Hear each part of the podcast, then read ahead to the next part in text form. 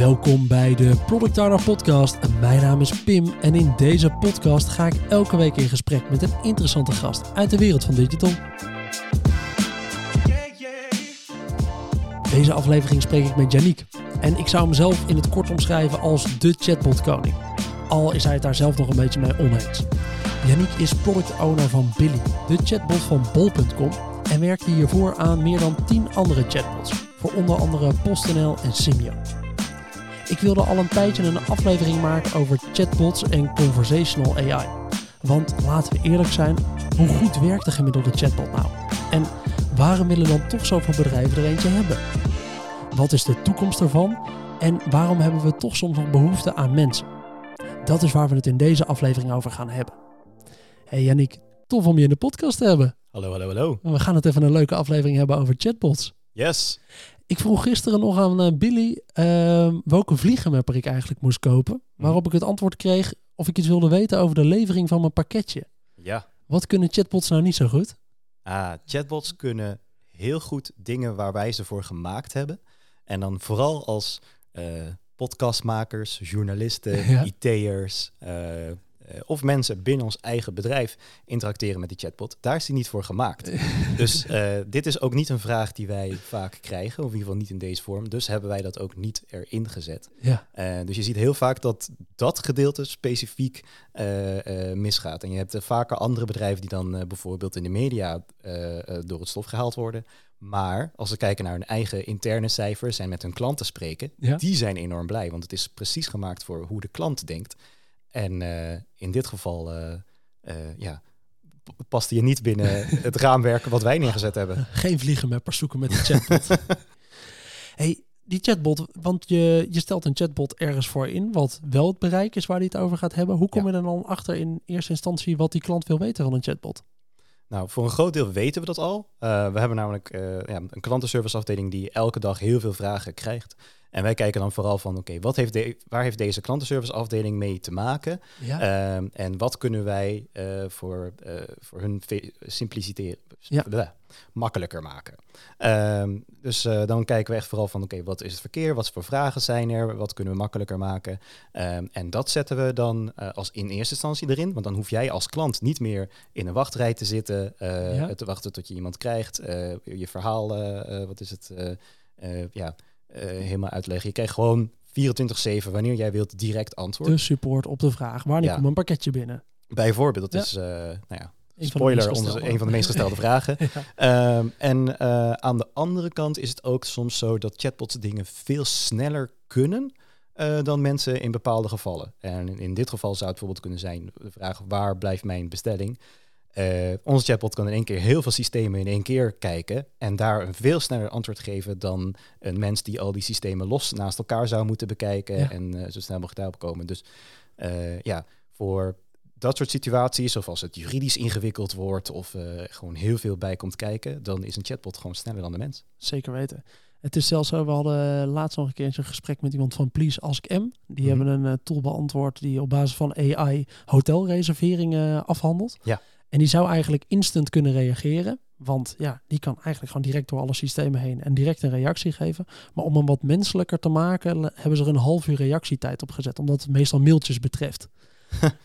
dus zij Ja. zeggen, als we namelijk direct een reactie geven, ja, dan denken mensen toch dat het niet echt is. Ah, zo. Ja, ja, ja. Oh, dat is ook wel echt een, een interessant. Het acceptatieniveau van een geautomatiseerde service in dit geval. En dit is dan, dan uh, vooral in e-mail. Ja. Uh, dat is inderdaad een beetje fine-tunen soms. Uh, maar aan de andere kant merk ik ook gewenning. Want ik zie ook bedrijven die dan een vertraging hebben in wanneer berichtjes van een chatbot binnenkomen. Ja, dan krijg je van die bolletjes die er ja, even dan bewegen. heb je zo'n aan het typen Ja. Persoonlijk ben ik het daar niet mee eens. Ja. Uh, omdat het voor mij geen nut heeft en misschien zelfs een heel raar gevoel geeft. En dus ik zie liever dat de bolletjes alleen komen als er te veel berichtjes achter elkaar komen. Zodat je even de tijd hebt om je eerste berichtje te lezen. Maar dat eerste berichtje hoeft niet zo'n aan het typen iets te hebben. En ik heb ook gezien dat het soms gedaan wordt met hoe, hoe lang de, het berichtje is van de bot wat gaat komen. Ja. Uh, zo echt het gevoel te geven dat het gaat typen. maar ik denk dat we daar echt wel uh, sprongen in kunnen maken. Ik snap de redenering, maar... Ja. Uh, Het menselijk maken van een de robot. klant extra lang laten wachten Ja. is voor mij niet logisch. Terwijl hij toch echt wel door heeft dat hij met de bot praat. Ja, precies. Ja, ja, ja. mooi. Hey, het lijkt me leuk om eventjes te beginnen met een klein stukje persoonlijk, voordat we nog eh, dieper op de chatbots ingaan. Mhm. Hoe ben je nou in de rol van product owner gegroeid? Ja, dat is eigenlijk wel een hele, eh, ja, een, een bijzondere. Ehm, ik zou zeggen, nou, begin ik even bij de studietijd. Ja? Ik heb eh, communicatie- en informatiewetenschappen gestudeerd en daarbinnen de richting nieuwe media en digitale cultuur. Ehm, en dat houdt dus eigenlijk in dat je alle media die ooit bestaan hebben en nog moeten bestaan, dat je die eh, eh, bestudeert. Dus dan begint het bij ja, iets simpels als een rotstekening of een pen. Dat is ook een medium, want jij bent jouw gedachten, jouw, delen, ja. je bent iets aan het communiceren via iets anders. En dat komt bij iemand anders dan weer binnen. Eh, en daarna ging het weer verder naar van social media tot game studies tot eh, echt van alles en nog wat. Ehm, en eh, nou, het consultancybedrijf waar ik bij zat, IT Consultancy is dat. en die, die deden van alles en nog wat. En ik had altijd wel ergens een, een mening over of trok mijn mond erover open of keek van oké, hoe kunnen we dit beter, wat is het door mensen laten accepteren. En toen kwam er iets nieuws qua technologie van... ja, eh, Google die was toen bezig, die had API.ai overgekocht. eh, ook weer zo'n iets, dat heet nu tegenwoordig Dialogflow. Daar kan je allemaal chatbots mee maken. Ah, Hartstikke tof. Ehm, en omdat wij ook met Google bezig waren, kwam dat bij ons ook binnen. Eh, en toen was eh, eigenlijk van, hey, dit is nieuw. Janiek, jij hebt hier altijd wel gedachten over. En user experience zit jij ook altijd te denken. Wil jij hier anders mee aan de slag gaan? En zo is het eh, begonnen dat ik bij allerlei bedrijven aan de slag ging. En eigenlijk, eh, nou, ik, zeg altijd voor mijn gevoel, tellen consultancy jaren als twee. Eh, ik ben een stuk ouder geworden in die, in die tijd. maar wel een Eh, hoop bedrijven gezien en ja, mogen ja. meedenken over telkens op een gegeven moment hetzelfde onderwerp. Ja, ja, en dat was echt super tof. En eh, op die manier eh, ben ik in de, de chatbots beland. Dus eh, omdat het ook zo'n nieuw iets was. En ik altijd keek van oké, hoe kunnen we dit het beste doen vanuit de techkant, maar ook vanuit hoe is het geschreven? Hoe kunnen we de organisatie dit het beste laten ontvangen? Die dingen gecombineerd allemaal zorgde ervoor dat ik altijd in gesprek was met iedereen, maar ook de product owners. Dus altijd een soort van advies geven van waar begin je dan en hoe gaan we er samen voor zorgen dat het een succes is. Ehm, dus ik was niet product owner op dat moment, maar ik was wel bezig altijd met de product owner. De Ja. enige dus gesprekken die ik niet hoefde te voeren waren de gesprekken intern, waar ik nu achteraf van geleerd heb van, oh, er is veel voorwerk gedaan voordat ik als consultant daar binnenkwam. Ja. Eh, leermomentje. Ehm, en eh, toen eh, dacht ik, ik maak de sprong naar klantzijde. Ik kom bij bol.com terecht, wat ik altijd al als voorbeeld, veel, als voorbeeld gebruikte. Ja. Waar ik, nou, Hij is een van de bekendste chatbots natuurlijk. ja, Ja, een van de meest zichtbare, een van de bekendste. De, de- voor zover ik weet, de oudste van Nederland. Dat weet ik niet precies. Maar Ja. eh, als er iemand eentje kent die ouder is dan 14 jaar, let me know. Ik ben op zoek. Ehm, en eh, toen kwam ik daar in het team als business analyst, wat de, eh, de vaagste term is die binnen bol.com bestaat, kan ik vertellen. Want dat betekent eigenlijk alles. Je kan alles doen, maar je ondersteunt het team. of ja, vooral productteams. Ehm, en zo was ik ook op een of andere manier toch soort van intern consultant geworden. En toen eh, kwam de plek vrij en toen was het van, Janiek, wil jij dit niet doen? Ja.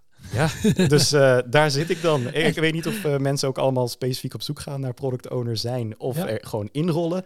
Bij mij was het het laatste. Ja, volgens mij weten we ondertussen dat 43% van de product owners, die eh, komt in de rol van PO gewoon echt door verder te rollen binnen zijn organisatie. Dus Ja. hadden al een, een functie binnen dezelfde organisatie en kregen vervolgens het aanbod om daar product owner te worden. En dat verschilt dan vervolgens een beetje van mensen die er al wel iets van snapten, tot mensen die gewoon werden gezet in die functie die zeiden, ja, vanaf nu ben je nu product owner. Eh, zoek je het even zelf uit wat je dan moet gaan doen? Ja, ja. Ja, Respect. Eh, die wide range heb je ergens. Jij kreeg een beetje sturing vervolgens wel om, eh, om het product ownerschap wat beter op te kunnen pakken. Eh, ja, zeker, zeker. Ja. Gelukkig wel. En ik heb ook goede product owners om me heen, waar ik op kon leunen, trainingen, et cetera. Want eh, ja, ik had dan wel product owners geadviseerd over wat ik dacht dat Ja. eh, goed was, maar het product ownerschap zelf is natuurlijk een andere tak van sport. Ehm, en eh, dus ja, daar kwam ik dan met mijn domeinkennis, maar nog niet per se de, de, de product owner skills. En nu zijn we gelukkig anderhalf jaar verder en Zit ben ik team. enorm gegroeid. Ik zit enorm fijn in mijn team. Het gaat ook prettig. Ja. en dat hoor ik ook van anderen. Dus dat scheelt.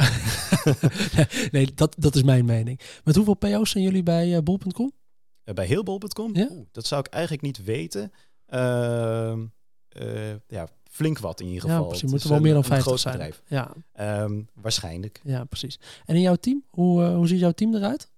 Ehm, mijn team of eh, nou ja, mijn product is eh, eh, online service. En Ja. daar ben ik één stukje van met, eh, met Billy. Ja. Ehm, dus daarbinnen hebben wij drie product owners binnen online service. Dus allemaal met een eigen scrum team ook. Ja. Ehm, dus bij mij in het team, ik heb vijf mensen er zitten die developers zijn. Heb ik nog twee business analisten ernaast die mij ondersteunen en echt onderzoeken.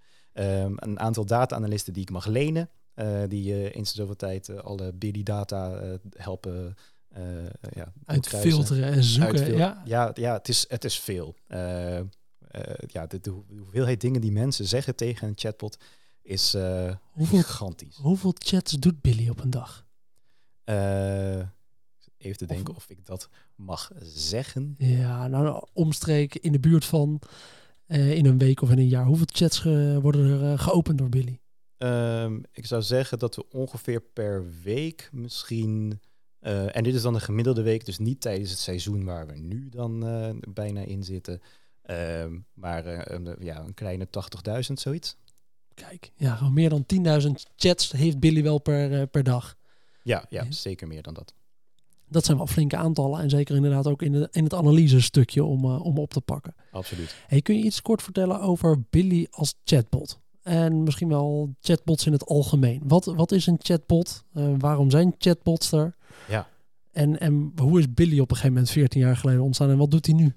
Ja, dat is een, eh, een, een leuke vraag. Ehm, eerst, wat is een chatbot? Ehm, dit eh, is een eh, discussie volgens mij die nog steeds gaande is. Maar ik denk in principe weet iedereen waar we het over hebben. Ja. Ehm, dus dat maakt het ook... Toen in consultancy was het ook makkelijk, want we hoefden nooit uit te leggen... ehm, Wat, Wat- is het dan? Ja. Mensen hoefden niet aan ons uit te leggen wat zij wilden. Eh, wij waren vooral bezig te kijken van hoe gaan we dat realiseren. Want wat je wilt is eigenlijk gewoon van... eh, je hebt een geautomatiseerd iets waar je tegen kan praten... en die lost al je problemen op. dat is het. Ja. ja en dat eh, kan je in allerlei vakgebieden zien. Van, je hebt in de psychologie heb je chatbots. Je hebt voor scholen heb je educatieve chatbots. Je hebt het voor oudere mensen, sociale dingen. Ehm, en dan is er nog de, de discussie van... oké, ja, eh, je hebt natuurlijk eh, sales en service... maar ook ehm, eh, ja, uiteindelijk... wat is het verschil dan tussen die bots? Want ik denk dat daar nog een hele hoop in zit. Ehm, en als je dan specifiek kijkt naar ehm, Billy bij bol.com. eh Billy's doel is ervoor zorgen dat jouw probleem zo snel mogelijk opgelost wordt. Of jou naar de juiste persoon door te sturen. Ehm, en eh, dat laatste is ook wel een interessante, want sinds deze zomer hebben we op bol.com bijvoorbeeld 50.000 partners die verkopen. Ja, Dus eh, de vraag wie je moet hebben eh, kan best een ingewikkelde zijn. Dus Billy heeft ook echt een heel belangrijke functie om ervoor te zorgen dat jij niet van het kastje naar de muur gestuurd wordt. juist. Niet alleen maar naar de algemene customer service toe, maar juist gekoppeld aan de juiste partner die bij jou het product heeft geleverd. Ja, precies. En dan kunnen die partners ook nog eens ehm, eh, bijvoorbeeld hun levering via Bol laten doen. Ja. Ehm, het Of kan zijn dat hun producten bij ons in het magazijn staan, of wij halen het bij ze op eh, met onze elektrische busjes, of eh, zij doen het zelf of de post, maar doen daar een label op dat wij voor ze ge- gemaakt hebben, of ze hebben zelf een overeenkomst met hun bezorger. Het kan van alles zijn. Veel Dus opties. Ja. wie, wie moet je dan hebben op welk moment van het gesprek? Betalingen, altijd bol.com. De Ja. rest kan overal kan alles zijn. Ja. Ah, daar heb je wel even wat mee rekening te houden. Want het zijn geen keuzes die uit je eigen koker komen natuurlijk. Nee, dat dat wordt verder, op besloten. En hé hey, eh, Yannick, regel even dat hij er ook mee om kan gaan. Ja, precies. En het lijkt het super makkelijk te zijn, maar eh, stel je zou zelf de telefoon op moeten nemen bij bol.com en daar antwoord op moeten geven. Ja. Dat is best een intens iets. Dus wij kijken naar, oké, je hebt dan die persoon die dan dat aan de telefoon moet doen. Ehm, wat doet die allemaal en wat zijn alle situaties waar die rekening mee houdt? En dan moeten we op een of andere manier ervoor zorgen dat dat omgetoverd wordt tot eh, een geautomatiseerd gesprek. ja. Wat ook nog eens werkt voor iedereen in Nederland. En dan ook eens de manier waarop jij denkt. En, en dat moet dan ook nog eens een fijn gesprek zijn. Ehm, dus eh, wij hebben maar. Ja, je, je kan maar één keer dat gesprek voeren als het ware. Terwijl je misschien aan de telefoon heb je meerdere keren om dat te oefenen en daarin te komen.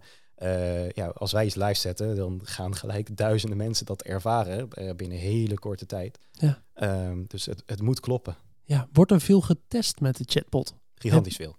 Hoe werkt testen met de chatbot? Pas je eh, vaak op een groep een bepaalde aanpassing toe en ga je dan kijken wat de, wat de veranderingen zijn? Uh, ja, sowieso. Uh, dus uh, we testen ook live. sommige dingen testen dan live. Natuurlijk hebben we heel veel intern testen dan ook. Ja. Maar de enige manier waarop we 100% zeker dat het werkt voor de manier waarop onze klanten denken, is door de klanten zelf er doorheen te laten gaan. In situaties die ook echt zijn. Alleen dan pas hebben we gemerkt dat je dan uh, bevestiging krijgt of het werkt of niet. Want uh, als medewerker of uh, podcastmaker, wat jij ook ervaren hebt, kom je toch nooit precies op de manier waarop daadwerkelijk de echte klant denkt. dus ja, we hebben natuurlijk heel veel interne testrondes en oefenrondes en van alles en nog wat. En daarna vervolgens ja, iets wat wij dan canary testing noemen. Dus uh, je de kanarie de, de, de, lijn hebt om te kijken van uh, overleeft hij of niet. Ja? Maar dan gelukkig uh, geen dieren hierbij betrokken. Geen dierenleed? Er, worden, er wordt geen dierenleed bij bol.com gedaan. Alleen billyleed. ja, maar dan 1% of wat is het, een kwartiertje of zo even live. En dan heel even kijken, wat komt er allemaal binnen. Oh. En dan pas weten we van, oh oké, okay, wij hebben hier echt een gigantisch deel gemist. Ondanks dat we weken, maanden of zo getest hebben, ja. uh, hebben we dit volledig gemist. Of mensen zijn anders gaan praten. Wordt er elke sprint iets nieuws opgeleverd van de chatbot? Um, ja en nee. Um, het, uh, wat wij opleveren sowieso is uh, um, heel veel achter de schermen zaken. Ja.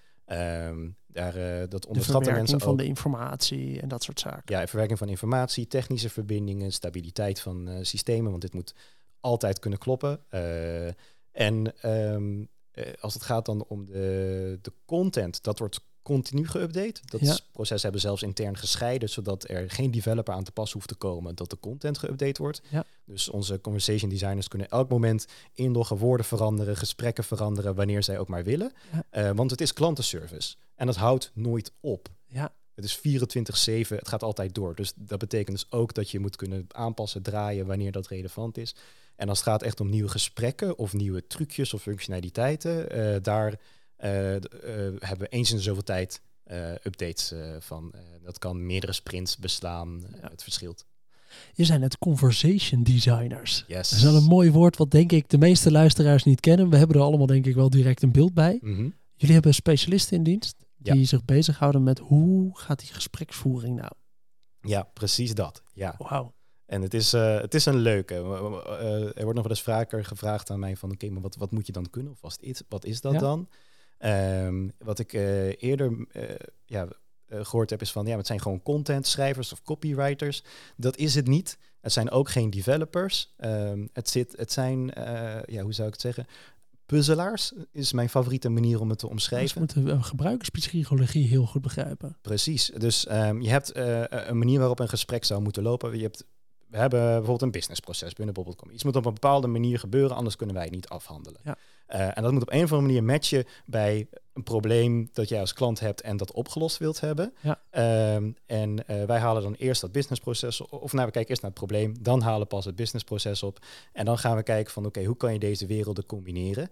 En dan proberen we eigenlijk niet meer naar de personen achter de, het businessproces te luisteren, want die zijn hier niet het probleem. Ja. Uh, het probleem is uh, jij als klant die iets opgelost moet hebben. en dan gaan we kijken van oké, okay, hoe denk jij dan? en in welke volgorde zou jij bepaalde zaken zeggen? En anders kunnen wij dat lostrekken zodat het in elke volgorde kan. Omdat er gewoon heel veel manieren zijn waarop jij denkt. Je hebt mensen die bijvoorbeeld een, als ze een adres opnoemt, die eerst beginnen met postcode en huisnummer. En daarna pas de straat noemen. Ja. Uh, dat soort dingetjes. Het zijn hele kleine dingetjes. Maar als je dat moet automatiseren voor de gemiddelde, wat is het, uh, uh, software, is dat best een complex iets als je niet dat ziet. Of je kan alles intypen in het veldje wat jij wilt. Ja.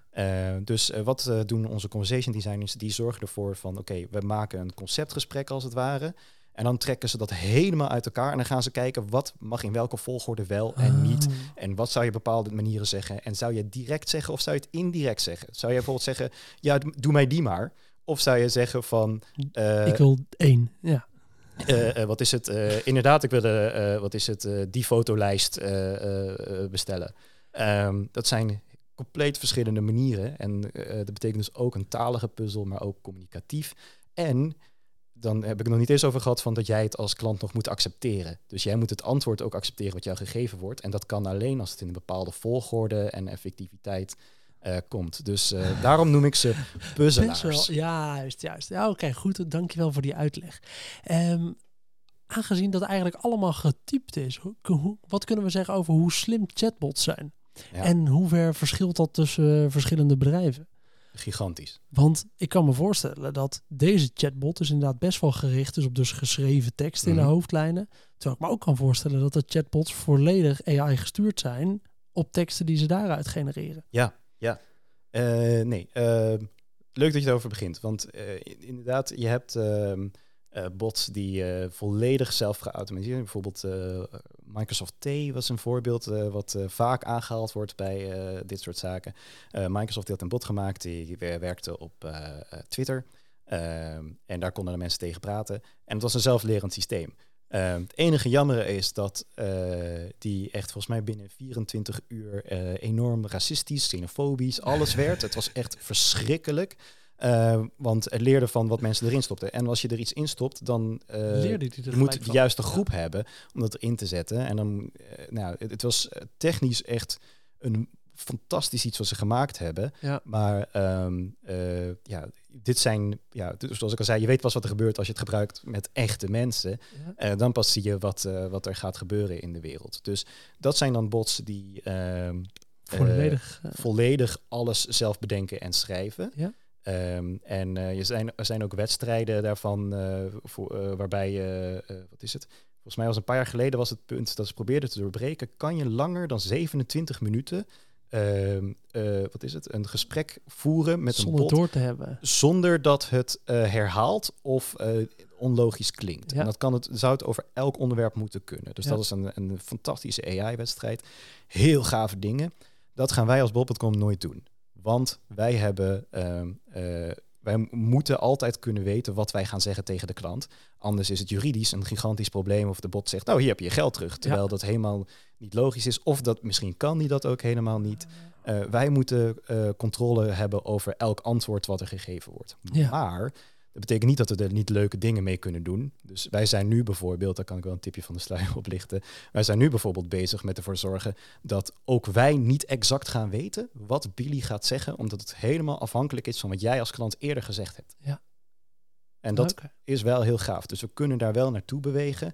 En we zijn er echt mee bezig om dat beter uit te vogelen. Maar als bedrijf is het gewoon een veel te groot risico om tekstgeneratie in dit geval eh, zomaar erin te zetten. Ja, in- eh, ten opzichte van tekstinterpretatie, wat sowieso al eh, nodig is. Hey, in aflevering 38 kregen jullie van eh, Maarten Rijgersberg het compliment eh, op Billy. Dat het zo tof was dat Billy namelijk een karakter had. Hij eh, was ervan overtuigd dat, eh, of het was uit onderzoek gebleken dat een chatbot met een karakter Mhm. beter werkt voor mensen dan een chatbot zonder karakter aan de Ja. andere kant. Ehm, heeft Billy heeft de naam Billy en er zit Ja. een soort poppetje achter waar je Ja, ja. eh, tegen lijkt te praten. Hoe, hoe komt het nou dat hij Billy heet en eh, wat is in jouw ogen het voordeel daarvan? Eerst was het idee dat hij gewoon chatbot heette. Ja. Eh, en toen zei we marketing van nee, noem hem Billy. Eh, dat is, dat is leuk en met personage Billy. erbij. Ja? Ja, want eh, en dat is denk ik echt een, een, een gouden zet geweest. Omdat eh, heel Nederland accepteerde Billy, zeg maar, al. En die vond Billy al leuk. Ja, Ehm, dus eh, dat was het ook makkelijk om mee te Ah. praten en mee te interacteren. ja. Dus de drempel voor interactie was al lager als je zeg maar eh Billy goed gevoel hebt, ja. Precies, als je een goed gevoel hebt. En eh, in over mas of, eh, ja, avatars, personages of mascottes in het algemeen. ehm, als je dat er neerzet en je moet ermee interacteren. het helpt enorm dat je niet tegen een, ja, een, een witte muur staat te praten of zo, maar dat er gewoon een plaatje van een poppetje op zit. Want dan kan jij als mens veel makkelijker in zeg maar, die sociale eh, plek terechtkomen die je gewend bent om te communiceren. Als dat er niet is, dan is het voor jou als mens gewoon heel veel moeilijker. Dus het is vooral meer aan de psychologische kant. Oh, dat snap ik wel. Ja, Ja, dat is wel een mooie. Nou, goed om te begrijpen. Dankjewel voor de uitleg. Het is wel leuk om even eh, vanuit jouw optie, eh, opzicht het, eh, het beeld erbij te hebben. wil, je daar nog eentje bij hebben? Ja, als je Want nog één leuk voorbeeld hebt. Er is nog een, een, een leuk iets om daar rekening mee te houden. Want dan is de vraag ook van waarom gebruiken we dan niet een plaatje van een echt mens of van Ja. een robot? wat je op andere plaatsen soms nog wel eens hebt. Ehm, en dat is eigenlijk bijna puur verwachtingsmanagement. Eh, want als jij praat tegen een robotje, dan ben jij ook, of zijn de meeste mensen ook gewend van oké, ik moet korte robotachtige dingen gaan zeggen. Dus die gaan niet meer praten zoals ze normaal gewend zijn. maar je moet er ook eh, een soort van acceptatie hebben dat als jij praat tegen uh, dat is het, een, een, foto van een mens en het gaat niet goed. Ja, dat, dan doorbreekt dat. Uh, ja. dat. Het geeft frustratie en irritatie. Want misschien dacht je dat je echt tegen mensen aan het praten waren, ja. was. en dat, dat willen wij niet. Ja. Uh, dus je moet wel ergens de verwachting hebben van, oh, als het fout gaat, dat kan, maar het is ook niet erg. Ja. Um, en dan uh, proberen we dat ook zo leuk mogelijk op te vangen. Dus het is echt verwachtingsmanagement. Het heeft een heel specifiek doel. Ah, dat is wel een goeie. Dat brengt me wel een beetje bij het volgende waar ik het over wil hebben. Dat is namelijk, ja, voor de product owners die nu luisteren. Ik denk dat met name de mensen die in e-commerce uh, hoek werken, mm. echt wel eens de vraag krijgen: hey, moeten we niet iets met een chatbot of kunnen we onze chatbot niet verbeteren? Ja. Hoe ziet dat er nou uit als je met een chatbot gaat stappen? Uh, starten. Ja. Is dat iets wat je inkoopt? Is dat iets wat je zelf bouwt? Um, zijn daar grote leveranciers voor? Uh, hoe zet je zoiets op? Ja, zelfbouwen of inkopen is eigenlijk bijna volledig afhankelijk van wat is jouw organisatie voor iets. Ja. Um, en uh, nou ja, uh, Bob.com is uh, ooit begonnen met inkopen. Ja. Dus uh, uh, gewoon extern bedrijf. Van begin tot eind maakte die de bot. Dus eigenlijk, ja, wat je net zei, wij sturen eigenlijk gewoon onze FAQ's op naar ze. In plaats van dat ze alles los typen wanneer het binnenkomt, ja. bouwden zij de bot. Um, wat op zich ook wel op dat moment, als ik er zo op terugkijk, ook echt een geniale zet was. Want zij waren zelf ook echt enorm goed bedreven en zijn nog steeds heel goed bedreven in het uh, ontwerpen van een goed gesprek. Die puzzelaars waar ik het net over had, daar zijn zij echt heel goed in. Um, maar um, uh, wat we ook later ontdekt hebben, is het past niet bij de organisatie bol.com want wij zijn een enorm tech-focused bedrijf met een gigantische uh, database erachter. Uh, heel veel mensen die er iets over willen zeggen en mee te maken hebben. dus op een gegeven moment werd het gewoon niet meer houdbaar om een extern bedrijf alles te laten doen. Uh, en uh, nu zijn we dus ook al een paar jaar nu mee bezig met alles uh, intern zelf te bouwen. Want het past gewoon beter bij ons als organisatie. Ja. En waar we ook gemerkt hebben, wij hebben, en dat, dat is echt een, een enorm geluk, de ruimte om hierop te innoveren en zelf, wat is het, nog gavere dingen erin te zetten die wij nog zelf nog niet gezien hebben in andere chatbots. En omdat we dat idee hebben, willen we daar nog dieper in duiken. Uh, en uh, wat ook wel een goede is, is we hebben een enorm techlandschap uh, binnen bol.com. Ja. En ehm, we kunnen nu we zaken intern hebben, veel flexibeler ook met andere techteams schakelen. Want je chatbot is gewoon zo slim als al de systemen waar ja, die aan gekoppeld is. Precies. Precies. precies. Dus ehm, ja, uh, het ligt er dus aan hoe zit dat. En voor ons is dus nu echt, nou ja, wij, wij zijn bij het punt dat we echt alles zelf willen doen. Of in ieder geval het past het beste bij organisaties. Zo zijn we gewoon eenmaal veranderd. Uh, betekent het dat je moet beginnen met uh, extern en dan zelf intern gaan bouwen? Uh, misschien niet. Misschien, ik zou kijken van nou, haal anders hulp van extern, uh, zodat je even een goede basis hebt. Ja. Uh, maar je kan het ook zelf bouwen, maar dat ligt eraan wat je zelf intern hebt en ja, hoe groot is het. Precies. Bol.com uh, is natuurlijk een mega organisatie wat dat part. Ja, en, we, en de, de hoeveelheid bedrijven. vragen die wij krijgen is zo divers ja. um, dat nou, je, je, je, moet ook altijd kijken van oké, okay, maar wat is dan mijn business case of zo? En ik weet ook bijvoorbeeld een bedrijf die doet super toffe dingen aan de uh, telefoon voor kappersafspraken. Ja. En die hebben een paar dingetjes die daar gewoon in moeten zitten en die heel goed moeten werken. En dan kan je heel makkelijk schalen. En de, voor de rest van de vragen laten ze gewoon de telefoon overgaan. En maar meer is ook niet nodig voor die kapperszaak. Dus uh, ah. die hoeft helemaal niet zelf al die dingen te gaan schrijven en daar de diepte in gaan. Uh, voor ons met uh, onze miljoenen producten uh, en 50.000 partners, is ja, dat is gewoon niet te doen. Nee. nee. Logisch, logisch. Oh nee, dat is wel goed om, goed om te begrijpen. Daar zit een, zit een enorm verschil tussen. Ja. hey, je zei net innovatie. Hoe zit het met de innovatie en de trends van chatbots? Wat, wat gaan we de komende jaren zien? Wat gaat ja. er veranderen nog? Oeh, dat vind ik een hele leuke. Um, wat ik denk dat nu vooral meer aandacht aan gegeven wordt, is echt de uh, aan de ene kant de conversation designer en aan de andere kant ook de tooling. Nou, de tooling, dat is uh, de afgelopen vijf jaar vooral een beetje uh, flinke trend op ontstaan. of ondertussen misschien zelfs zes jaar.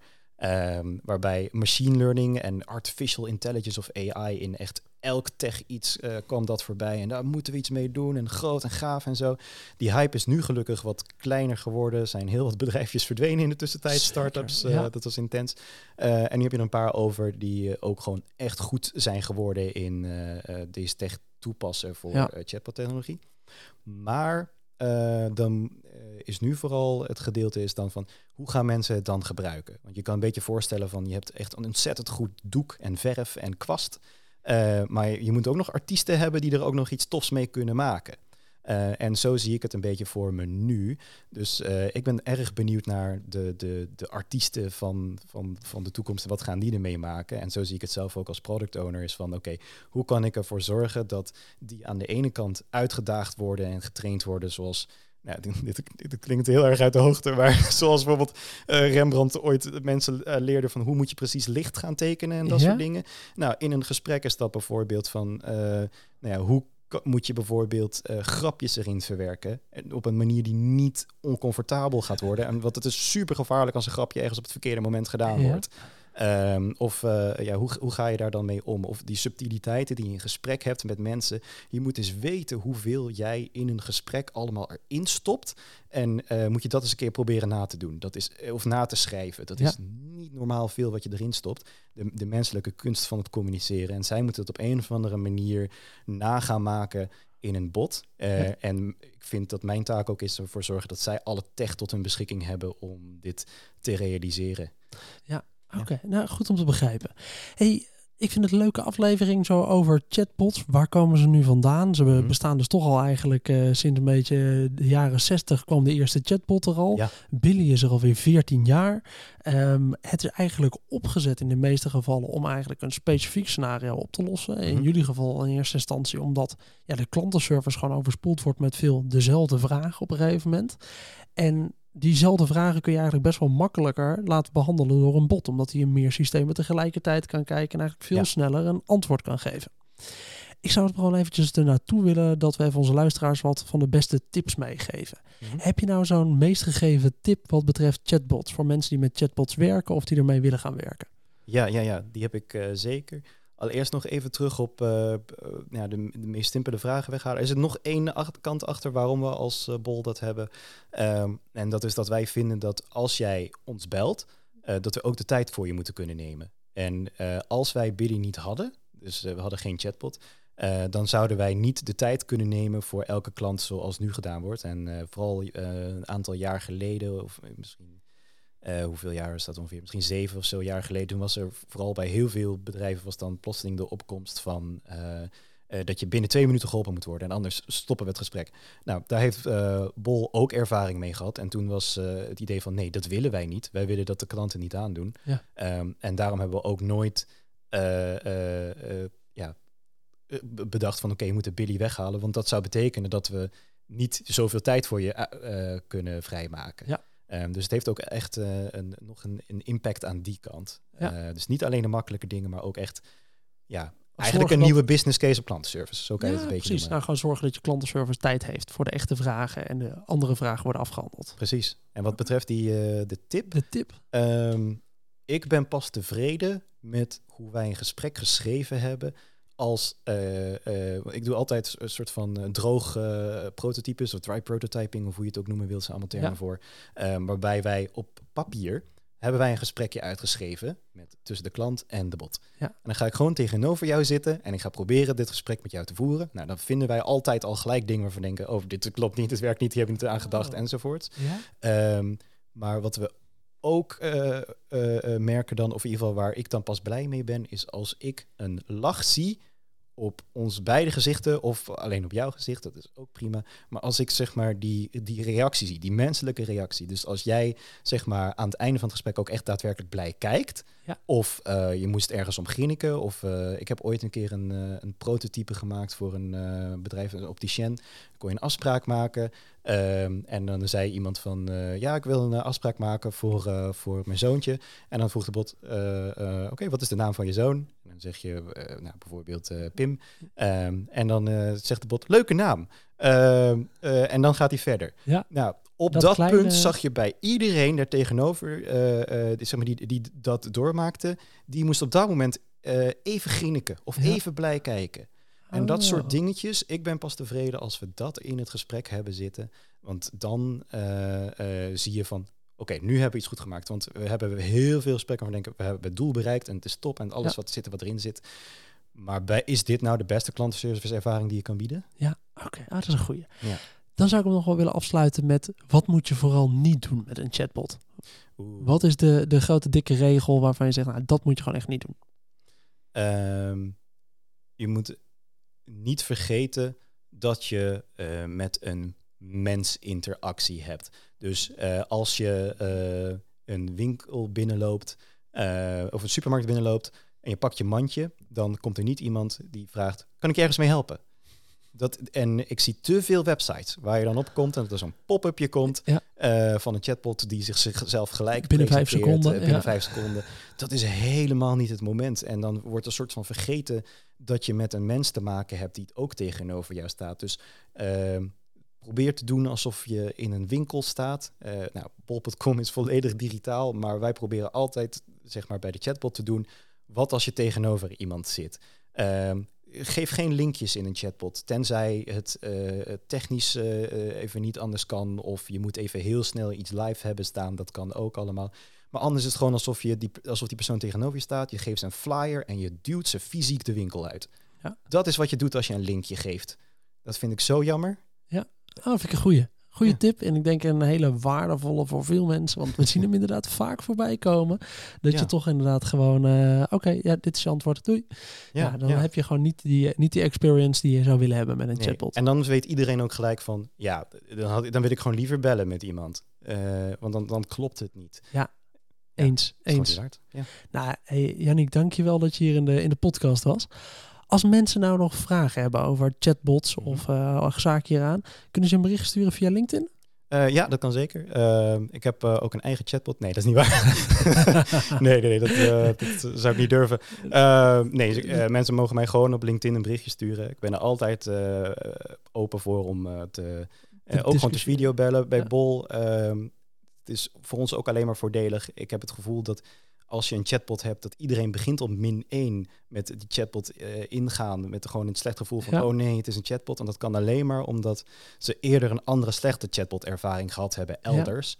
Dus als we even heel Nederland en België betere chatbots kunnen hebben, dan wordt onze chatbot ook beter en beter eh, gewaardeerd. Ja. Dus eh, ik help graag ook andere chatbots beter krijgen. Het is Oh. alleen maar in mijn eigen profijt. Oh, dat is cool. Nou, stuur even een berichtje via LinkedIn. Dat is Yannick van Altera. Hey, dan bedank ik iedereen weer voor het luisteren naar deze aflevering van de Product Owner podcast. Vond je dit nou een leuke aflevering? Vergeet dan niet om een review achter te laten in je favoriete podcast app. Heb je nou nog vragen of opmerkingen voor mij naar aanleiding van deze podcast? Stuur me dan vooral een mailtje op pim.productowner.nl of via LinkedIn, dat is Pimpot. En dan hoop ik dat je de volgende keer weer luistert. Tot dan!